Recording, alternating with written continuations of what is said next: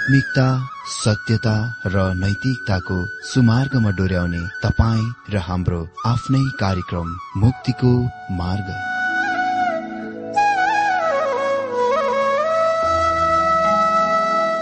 आदरणीय श्रोता यस मुक्तिको मार्ग कार्यक्रममा हार्दिक स्वागत छ। आशा छ यस आत्मिक कार्यक्रमद्वारा जीवनमा आत्मिक आशिष अलौकिक शान्ति र आनन्द प्राप्त गर्नुहुनेछ। र जीवनमा धन्य अनुभव गर्नुहुनेछ। आउनुहोस् श्रोता। मन र आत्माको तयारीको लागि यो मिठो अनि मधुर भजन गीत सुनौ।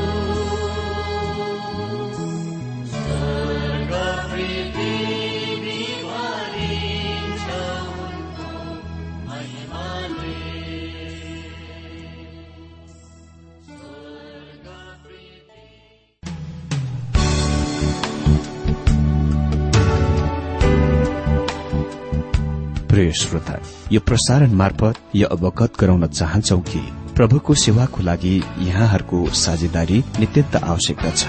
यहाँहरूले प्रार्थनाको साथसाथै आर्थिक सहायता गर्न अनुरोध गर्दछौ। तपाईँहरूको सानो भन्दा सानो भेटी किन नहोस् हामी प्रभुको नाममा स्वीकार गर्नेछौ प्रभुको सेवाको लागि। तपाईँहरूको यो सानो लगानीले कसैको जीवनमा भिन्नता ल्याउँछ? अनि प्रभुको महिमा हुन्छ। प्रभु तपाईँहरूलाई महान गरी आशिष दिनुहुनेछ। इच्छुक श्रोताहरूले तपाईँको इच्छा भेटी हाम्रो ठेगानामा पठाउन सक्नुहुन्छ जुन ठेगाना हामी कार्यक्रमको अन्तमा दिनेछौं। प्रिय श्रोता मित्र प्रभु येशु ख्रिष्टको मधुर अनि सामर्थ्य नाममा मेरो जयमसी तथा हार्दिक स्वागत छ आजको यो बाइबल अध्ययन कार्यक्रममा। श्रोता अघिल्लो कार्यक्रममा हामीले परमेश्वर ज्योति हुनुहुन्छ भन्ने विषयबाट पहिलो युहान एक अध्यायमा प्रस्तावना देख्यौं। त्यसपछि हामीले देख्यौं हामी कसरी परमेश्वरसँग संगति पाउन सक्छौ वा संगति गर्न सक्छौ त? हजुर परमेश्वरसँग संगति कायम गरिराख्नलाई देख्यौं पहिले युहान्ना एक अध्यय तीनदेखि सात पदमा ज्योतिमा हिँड्ने कुराद्वारा दोस्रो पापहरूको स्वीकार गर्ने कुराद्वारा अनि आज हामी तेस्रो देख्नेछौ पहिलो युहान दुई अध्यय एक र दुईबाट ख्रिष्टको वकालतद्वारा ख्रिष्टको मध्यस्थताद्वारा मित्र यो पहिलो युहान दुई अध्यय अघिल्लो अध्यायमा शुरू भएको विचारको निरन्तरता हो कि कसरी परमेश्वरका सन्तानहरू परमेश्वरसँग संगति गर्न सक्छन् त? हामीले देखिसकेका छौं कि ज्योतिमा हिँड्ने कामद्वारा हामी परमेश्वरसँग संगति गर्न सक्छौ। यसको मतलब उहाँको उपस्थितिमा हिँड्ने कुराद्वारा उहाँसँग संगति गर्न सक्छौ। दोस्रो कुरा उहाँसँग संगतिको कायम राखिराख्नलाई हामीले उहाँ कहाँ हाम्रा पापहरूको स्वीकार गर्नै पर्छ। जब हामी ज्योतिमा हिँड्छौ हामी भन्दछौ येशु ख्रिष्टको रगतले हामीलाई सबै पापहरूबाट निरन्तर शुद्ध गरिरहन्छ। तर हामी यो पनि जान्दछौ कि हाम्रा जीवनहरूमा असिद्धता कुराहरू छन् र हामी उहाँका सधैँ पश्चातापमा जानै पर्छ। दुई अध्यायमा ख्रिष्टको वकालत वा मध्यस्थताको विषयतिर आउँदछ। अहिले हामी यस खण्डको निष्कर्षको देख्नेछौ जुन पहिलो युहान एक अध्यय पाँच पदमा शुरू भएको थियो जहाँ युहानले भने अनि यो सुसमाचार हो। के को सन्देश त? यो परमेश्वरको अनुग्रहको सुसमाचार जुन नर्किया दण्डित निन्दित पापीलाई लिँदछ अनि ख्रिस्टमा खालि साधारण विश्वासद्वारा उसलाई परमेश्वरको परिवारमा ल्याउँदछ जहाँ उनी येशु ख्रिस्टसँग साझेदार बन्दछ। यो पितासँगको सम्बन्ध हो जुन सबभन्दा धेरै महत्वपूर्ण छ। त आज हामी देख्छौ ख्रिस्टको मध्यस्थद्वारा परमेश्वरसँग संगति हामी कायम गरिराख्न सक्छौ। पलियुहान दुई अध्यय एक पदमा लेखेको छ मेरा साना बालकहरू तिमीहरू पाप नगर भनी म यी कुराहरू तिमीहरूलाई लेखिरहेछु। तर कुनै मानिसले पाप गर्यो भने पनि पितासँग हाम्रो पक्षमा बोलिदिनुहुने एकजना हुनुहुन्छ अर्थात धार्मिक येशु ख्रिष्ट। मेरा साना नानीहरू तिमीहरूले पाप नगर भनी म यी कुराहरू तिमीहरूलाई लेख्दछु। युहानले यी कुराहरू हामीलाई लेखिरहेका छन् किनभने परमेश्वर आफ्ना सन्तानहरूले पाप गरेको चाहनुहुन्न। यद्यपि पाप नगर्नलाई हाम्रो लागि परमेश्वरले प्रशस्त प्रबन्ध र उपायहरू बनाउनु भए तापनि उहाँको प्रबन्धतिर हाम्रो प्रवेश हाम्रो असिद्धताको कारण असिद्ध छ अपूर्ण छ। यो कुराको ध्यान दिनुहोस्। यो पदले यो भन्दैन हामी पाप गर्न सक्दैनौ। वा हामी पाप गर्दैनौ। अह तर युहन्नाले हामीलाई लेखिरहेका छन् हामी पाप नगरौं। परमेश्वर हामी त्यस तरिकामा हिँडेको चाहनुहुन्छ जुनले उहाँलाई अति नै प्रसन्न गर्दछ। यसको मतलब उहाँ हामी उहाँको वचनप्रति आज्ञाकारितामा हिँडेको चाहनुहुन्छ। मित्र पहिलो युहानको पत्र पारिवारिक पत्र हो। यसले परमेश्वरको परिवारको सम्बन्धमा जोड़ दिन्छ हामी परमेश्वरको परिवारमा छौं र त्यो हाम्रो सम्बन्ध चाहिँ सबभन्दा महत्वपूर्ण छ। हामी हाम्रा स्वर्गीय पितासँग संगति गर्न आवश्यक छ।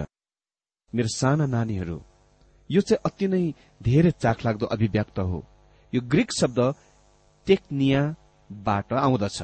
र यसलाई यसरी सम्भावत अनुवाद गर्दा उक्तम होला मेरो साना नयाँ जन्म पाएका।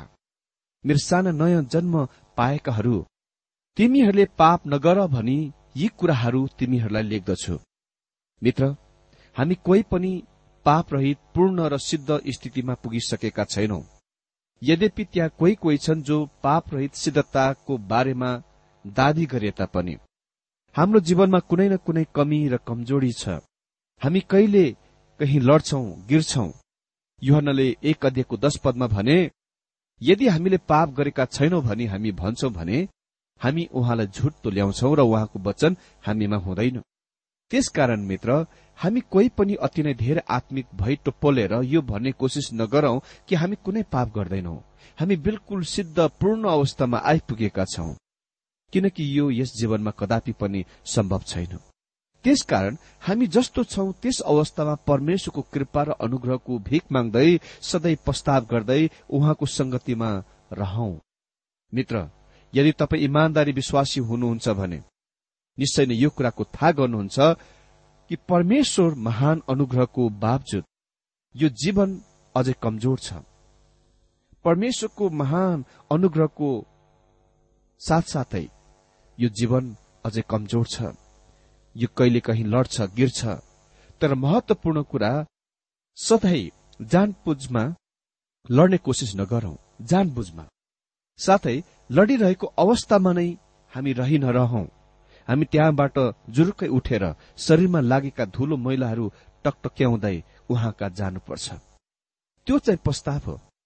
अनि यो कुरा पनि म तपाईँले याद दिलाउन चाहन्छु कि परमेश्वरको सन्तान सधैँको निम्ति पापमै रहन रहिरहन सक्दैन। उसलाई त्यसमा सधैँ आनन्द सुख हुँदैन। जबकि उडौ पुत्र सधैँ सुँगुरको खोरमा रहिरहेनन्। उनी आफ्ना पिता कहाँ वापस फर्किआए किनकि उनी पिताका पुत्र थिए। सुँगुर थिएनन्। अनि सुँगुर सबै सुँगुरको खोरमा रहन सधैँ तिनै रहन मन पराउँछ। पुत्र सधैँ पिता र उहाँको घरमा रहन मन पराउँछ। त्यहाँ सम्भावना छ कहिलेकाहीँ सुँगुरको खोर रूपी पापमा फस्न। तर केही समय पछि पितालाई सम्झेर आफ्नो घरमा फर्किए आउँदछन् वापस। मित्र यदि कोही विश्वासीहरू निरन्तर पापमा रहिरहन्छ र त्यसमा तिनीहरू आनन्द भोग गरिरहन्छन् भने मलाई यस कुरामा धेरै नै सन्देह हुन्छ। वास्तवमा उनी परमेश्वरका खास पक्का सन्तान हुन् कि? याद राख्नुहोस् परमेश्वरको सन्तान परमेश्वरतिर फर्किआउँछ। परमेश्वरसँग रहिरहन चाहन्छ। यसमा उसलाई आनन्द र हर्ष हुन्छ। मैले भन्न खोजेको यो हो कि हामी कहिले कहीँ पापमा पर्न सक्छौ। त्यस सधैँ सम्भावना हुन्छ। किनकि हामी कोही पनि सिद्ध र पूर्ण छैनौं। यदि तपाईँले यसको दावी गर्नुहुन्छ भने म तपाईँको कुरामा थुप्रै शंका गर्दछु। र तपाईँमा पनि शंका गर्दछु किनकि कोही सत्य इमान्दारी विश्वासीले आफ्नो वास्तविकताको स्थितिको जान्दछ। सालौं पहिले वक्ताले एउटा परिवारको बारेमा कथा भनिरहेको थिए जो केही दिनको लागि कुनै कारणवश अर्को स्थानमा गएका थिए। र तिनीहरूले आफ्नो सानो छोरीलाई चाहिँ लान चाहेनन् र आफ्नो छिमेकीको घरमा छोडे। अनि त्यस छिमेकीको घरमा चार साना छोराहरू थिए। जब तिनीहरू वापस फर्किआए र सानी केटीले आफ्नो पितालाई भनिन् म रहेको त्यस घरमा चार साना केटाहरू छन्। प्रत्येक साँझ तिनीहरू मसँग परिवार आराधना गर्छन्। प्रत्येक रात तिनीहरूका पिताले आफ्ना साना छोराहरूको लागि प्रार्थना गर्दछन्। तिनको पिताले उत्तर दिए यो त असल कुरा हो सुन्नलाई। त्यस सानी केटीले छोरीले आफ्नो भनाइलाई जारी राखिन्। पिता उसले यसरी प्रार्थना गर्दछ कि तिनीहरू कुनै पनि गलत खराब काम नगरून्। तिनको पिताले उत्तर दिए त्यो त झन अति नै असल कुरा हो। त्यो सानी केटी केही क्षण चुप रहिन्। र त्यसपछि यो कुरा थपिन् तर पिताजी परमेश्वरले तिनीहरूलाई अहिलेसम्म यस्तो कुनै कुरा बनाउनु भएको छैन नि। यदि हामी इमान्दारी छौं भने हामीले पनि यही भन्नुपर्नेछ। परमेश्वरले हामीलाई अहिलेसम्म सिद्धपूर्ण बनाउनु भएको छैन। हामी पाप र सिद्धताको उच्च स्थानमा अहिलेसम्म पुगेका छैनौं। युवाना लेख्छन् मेरो साना नानीहरू हो तिमीले पाप नगर भनी म यी कुराहरू तिमीहरूलाई लेख्दछु। परमेश्वर चाहनुहुन्न कि तपाईँ पापमा रहिरहेको। हामी पनि हामी पछिबाट यो कुरा पत्ता लगाउन गइरहेका छौं कि युहनाले भनेछन् पहिलो युहना पाँच अध्यायको अठार पदमा हरेक जो परमेश्वरबाट जन्मेको छ उसले पाप गर्दैन। यसको मतलब हरेक जो परमेश्वरबाट जन्मेको छ उसले पापको अभ्यास गर्दैन। मतलब पापमा रहिरहन सक्दैन। जस्तो कि उडौ पुत्रको मैले पहिले उदाहरण दिइसकेको छु। जो सुँगुरको खोरबाट उठी गएर आफ्नो पिता कहाँ आए उही खोरमा रहिरहेनन्। किन नरहेको? किनभने उनी पुत्र थिए सुँगुर होइनन्। साथै हामीले यो कुराको थाहा गर्नुपर्दछ जुन उपदेशक सातको बीस पदमा लेखिएको छ। संसारमा यस्तो कुनै धर्मी मानिस छैन जसले सबै काम सही ठिक गर्छ र कहिले पाप गर्दैन। आज तपाईँ र म यो भन्न सकौंला मलाई लाग्दैन कि मैले कुनै खास खराब काम गरेको छु। तर असल काम गर्ने बारेमा नि के याकुब भन्छन् याकुब चारको सत्र पदमा जसले भलाइ गर्न जान्दछ तर गर्दैन त्यसको निम्ति त्यो पाप हो। मित्र आज त्यहाँ उपेक्षाका व्यवस्थाका पापहरू र अज्ञात पापहरू छन्। तपाईँ र म ज्योतिमा हिँड्नु पर्दछ। जब हामी ज्योतिमा हिँड्छौं हामी देख्नेछौ कि परमेश्वरले इच्छा गर्नुभएको कुराबाट हामी कति धेरै भौतारी गएका छौं। प्रत्येक परमेश्वरका इमान्दारी बच्चा सन्तान उहाँसँग संगति गर्न चाहन्छन्। तैपनि उसले आफ्नो बारेमा जान्दछ कि त्यस्तो प्रकारको जीवन यापनबाट टाढा छन् जस्तो कि उसँग हुनुपर्ने उसको जीवनमा पाप छ अनि पाप चाहिँ त्यो सानो होस् या ठूलो त्यसले पितासँगको संगतिलाई भताभुङ्ग पार्दछ तोड्दछ। मैले स्पर्जियन एक महान प्रभुका जनको बारेमा सुनेको थिएँ।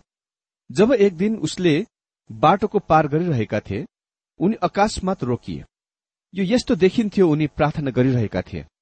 अनि प्रार्थना गरिरहेको पनि थिए।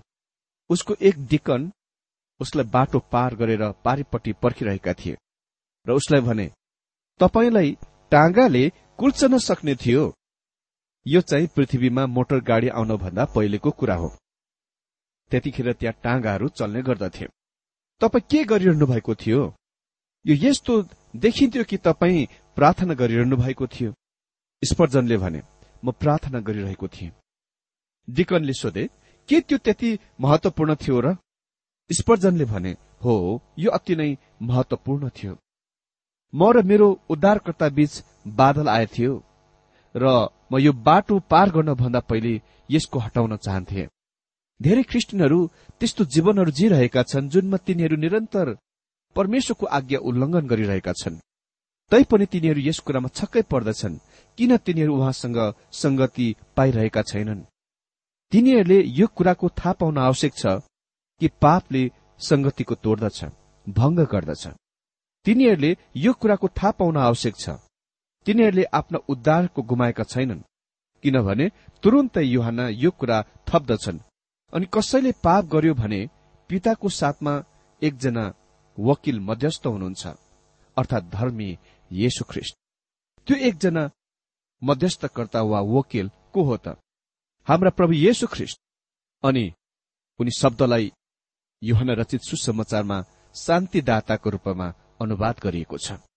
पवित्र आत्मा यहाँ हाम्रा शान्तिदाता हुनुहुन्छ र ख्रिस्ट माथि स्वर्गीयमा हाम्रा शान्तिदाता हुनुहुन्छ। वकिल ग्रिकमा हो पाराक्लेटिक जुनको मतलब हो सहायक। यो चाहिँ कानूनी शब्द हो। यसको मतलब त्यो व्यक्ति आवश्यकताको प्रत्येक समयमा सहायता गर्न तपाईँको पक्षमा आउनेछ हामीसँग अद्भुत स्वर्गीय पिता हुनुहुन्छ र हामी उद्धारको हराउँदैनौ जब हामी पाप गर्दछौ तर त्यहाँ एकजना छ जो चाहन्छ हामीले यसको गुमाएको अनि त्यो शैतान हो। शैतान भाइहरूको दोष लगाउनेवाला हो। प्रकाश बारको दश पदमा हामीलाई भनिएको छ त्यसले हाम्रो परमेश्वरको सामने दिन र रात दोष लगाइरहन्छ। शैतान त्यहाँ परमेश्वरको सिंहासनमा तपाईँ र मलाई दोष लगाइरहेको छ। त्यसले अयुबको बारेमा पनि दोष लगाएको थियो। भावमा त्यसले परमेश्वरलाई भन्यो यदि तपाईँ मलाई त्यस कहाँ जान अनुमति दिनु भए म तपाईँलाई देखाउने छु कि त्यसले तपाईँलाई श्राप दिनेछ। जब हाम्रा मामलामा त्यस्तो कुनै कुरा घट्दछ वा त्यसले कुनै त्यस्तो दोष लगाउँछ प्रभु येशु हाम्रो वकिलको रूपमा गएर हामीलाई बचाउनुहुन्छ। तैपनि दोष लगाउने त्यहाँ छ। र कोही कोही मानिसहरू त्यस कुराद्वारा धेरै व्याकुल भएका छन्। तर वकिल दोष लगाउने भन्दा कयौं गुणा महान हुनुहुन्छ। भनिएको छ मेरा साना बालकहरू तिमीहरू पाप नगर भनी म यी कुरा तिमीहरूलाई लेखिरहेको छु। तर कुनै मानिसले पाप गर्यो भने पनि पितासँग हाम्रो पक्षमा बोलिदिनुहुने एकजना हुनुहुन्छ अर्थात धार्मिक येशु ख्रिष्ट। दुई पद। उहाँ हाम्रो पापको निम्ति प्रायश्चित हुनुहुन्छ। र हाम्रो निम्ति मात्र होइन तर सारा संसारका पापहरूको निम्ति पनि। भनिएको छ उहाँ हाम्रो पापहरूको प्रायश्चित हुनुहुन्छ। प्रायश्चित शब्द जुन यहाँ युहनाको पत्रमा प्रयोग गरिएको छ यो रोमीको पुस्तकमा प्रयोग गरिएको प्रायश्चित शब्दबाट बेग्लै अलग हो। रोमीमा यसको अर्थ हो कृपा आसन। ख्रिस्ट प्रायश्चित कृपा आसन हुनुहुन्छ। अर्थात परमेश्वर र मानिस बीच भेट हुने स्थान। तर यहाँ पहिलो युहना दुई अध्ययको दुई पदमा उल्लेखित प्रायश्चितको अर्थ हो समन अर्थात अर्काको दुःख कष्ट भोगाइद्वारा पापहरूको समन गरिसकिएको छ दाम चुक्ता गरिसकिएको छ। ख्रिस्ट मेरो वकिल हुनुहुन्छ मेरो निम्ति अन्तर्विन्ती गरिरहनु भएको छ र उहाँ स्वयं प्रायश्चित हुनुहुन्छ। यो कुराको ध्यान दिनुहोस् युहानले यो भन्दैनन् यदि कोही कसैले आफ्नो पापको स्वीकार गर्दछ भने उसँग वकिल छ। न उसले यो भन्छ। यदि कोही आफ्ना पापहरूबाट मुक्त हुन धार्मिक विधि संस्कारहरूद्वारा भएर जान्छ पालन गर्छ भने उसँग वकिल छ। अह। उसले के भन्दछन्? यदि कुनै मानिसले पाप गर्दछ भने पितासँग हाम्रो वकिल हुनुहुन्छ। हामीले भनेका त्यो क्रूर निर्दयी वचनहरूको हामीले प्रस्ताव गर्नुभन्दा पहिले हामीसँग त्यो खराब दुष्ट विचार भएको क्षणमै हामीले गलत कर्म गरेको क्षणमै प्रभु येशु परमेश्वरको सिंहासनमा हामीलाई प्रतिनिधित्व गर्न त्यहाँ हुनुहुन्थ्यो। किनकि सैतान हामीलाई त्यहाँ दोष लगाइरहेको हुन्थ्यो।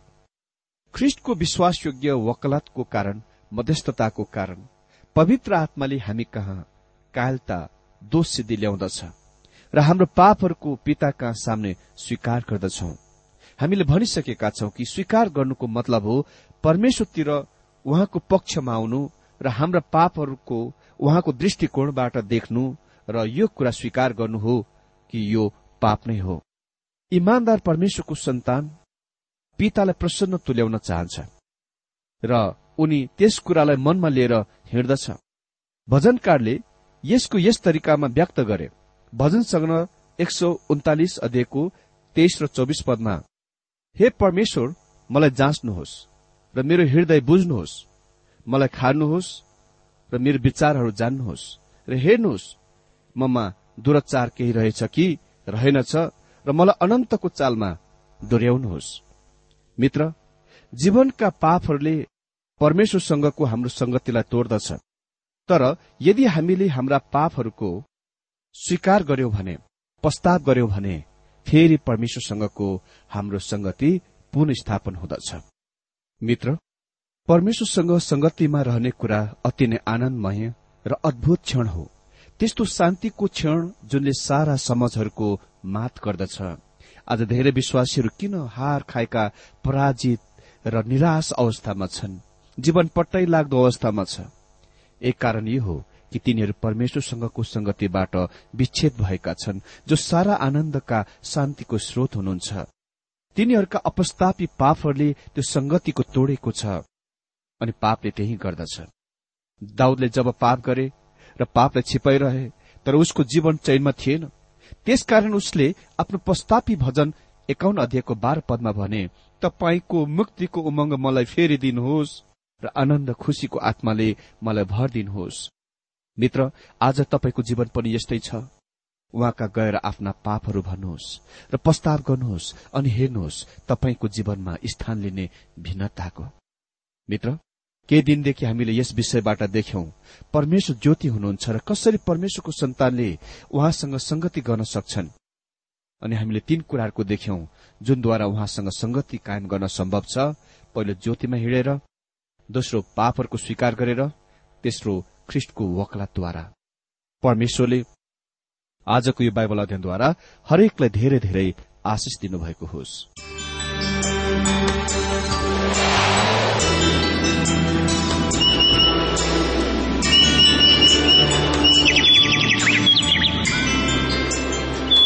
प्रिय श्रोता अहिले भर्खरै तपाईँले टीडब्ल्यूआर नेपालद्वारा सञ्चालित आत्मिक कार्यक्रम मुक्तिको मार्ग सुनिरहनु भएको थियो। श्रोता आजको यो कार्यक्रम सुनेर तपाईँलाई कस्तो लाग्यो? यदि यो कार्यक्रम सुनेर मनमा कुनै खुल्दुली वा कुनै प्रतिक्रिया अर्थात सुझावहरू छन् भने हामीलाई पत्रद्वारा लेख्न सक्नुहुनेछ। हामी हृदयदेखि नै स्वागत गर्नेछौ स्वीकार गर्नेछौ साथै बाइबल सम्बन्धित प्रचारहरू कार्यक्रम सारणीहरू हामी अनुरोधमा पठाउन सक्छौ। अनि तपाईँसँग कुनै प्रार्थनाको विषय छन् भने हामीले तपाईँको लागि प्रार्थना गरेको चाहनुहुन्छ भने प्रभुमा आफ्नै परिवार सम्झेर हामीलाई पत्रमा लेख्न सक्नुहुनेछ। तपाईँको लागि हामी प्रभु येशुसँग प्रार्थना गर्नेछौ। अधिक जानकारी र पत्रचारको लागि हाम्रो ठेगाना यस प्रकार छ। कार्यक्रम मुक्तिको मार्ग जीपीओ नम्बर उनानब्बे पचहत्तर एपीसी पच्चिस एकसठी काठमाडौँ। ठेगाना एकपल्ट सुन्नुहोला। कार्यक्रम मुक्तिको मार्ग जीपीओ नम्बर उनानब्बे पचहत्तर एपीसी पच्चिस एकसठी काठमाडौँ। हाम्रो इमेल एड्रेस हो TWR Nepal at Yahoo dot com. साथै यस नम्बरमा एसएमएस गर्न सक्नुहुनेछ। अन्ठानब्बे चार सत्तरी पैतिस छ सय उनासी नौ आठ चार सात जिरो तीन पाँच छ सात नौ। हुन्छ श्रोता आजलाई हामी विदा चाहन्छौ। अर्को कार्यक्रममा हामी पुनः भेट्नेछौ तबसम्मलाई नमस्कार।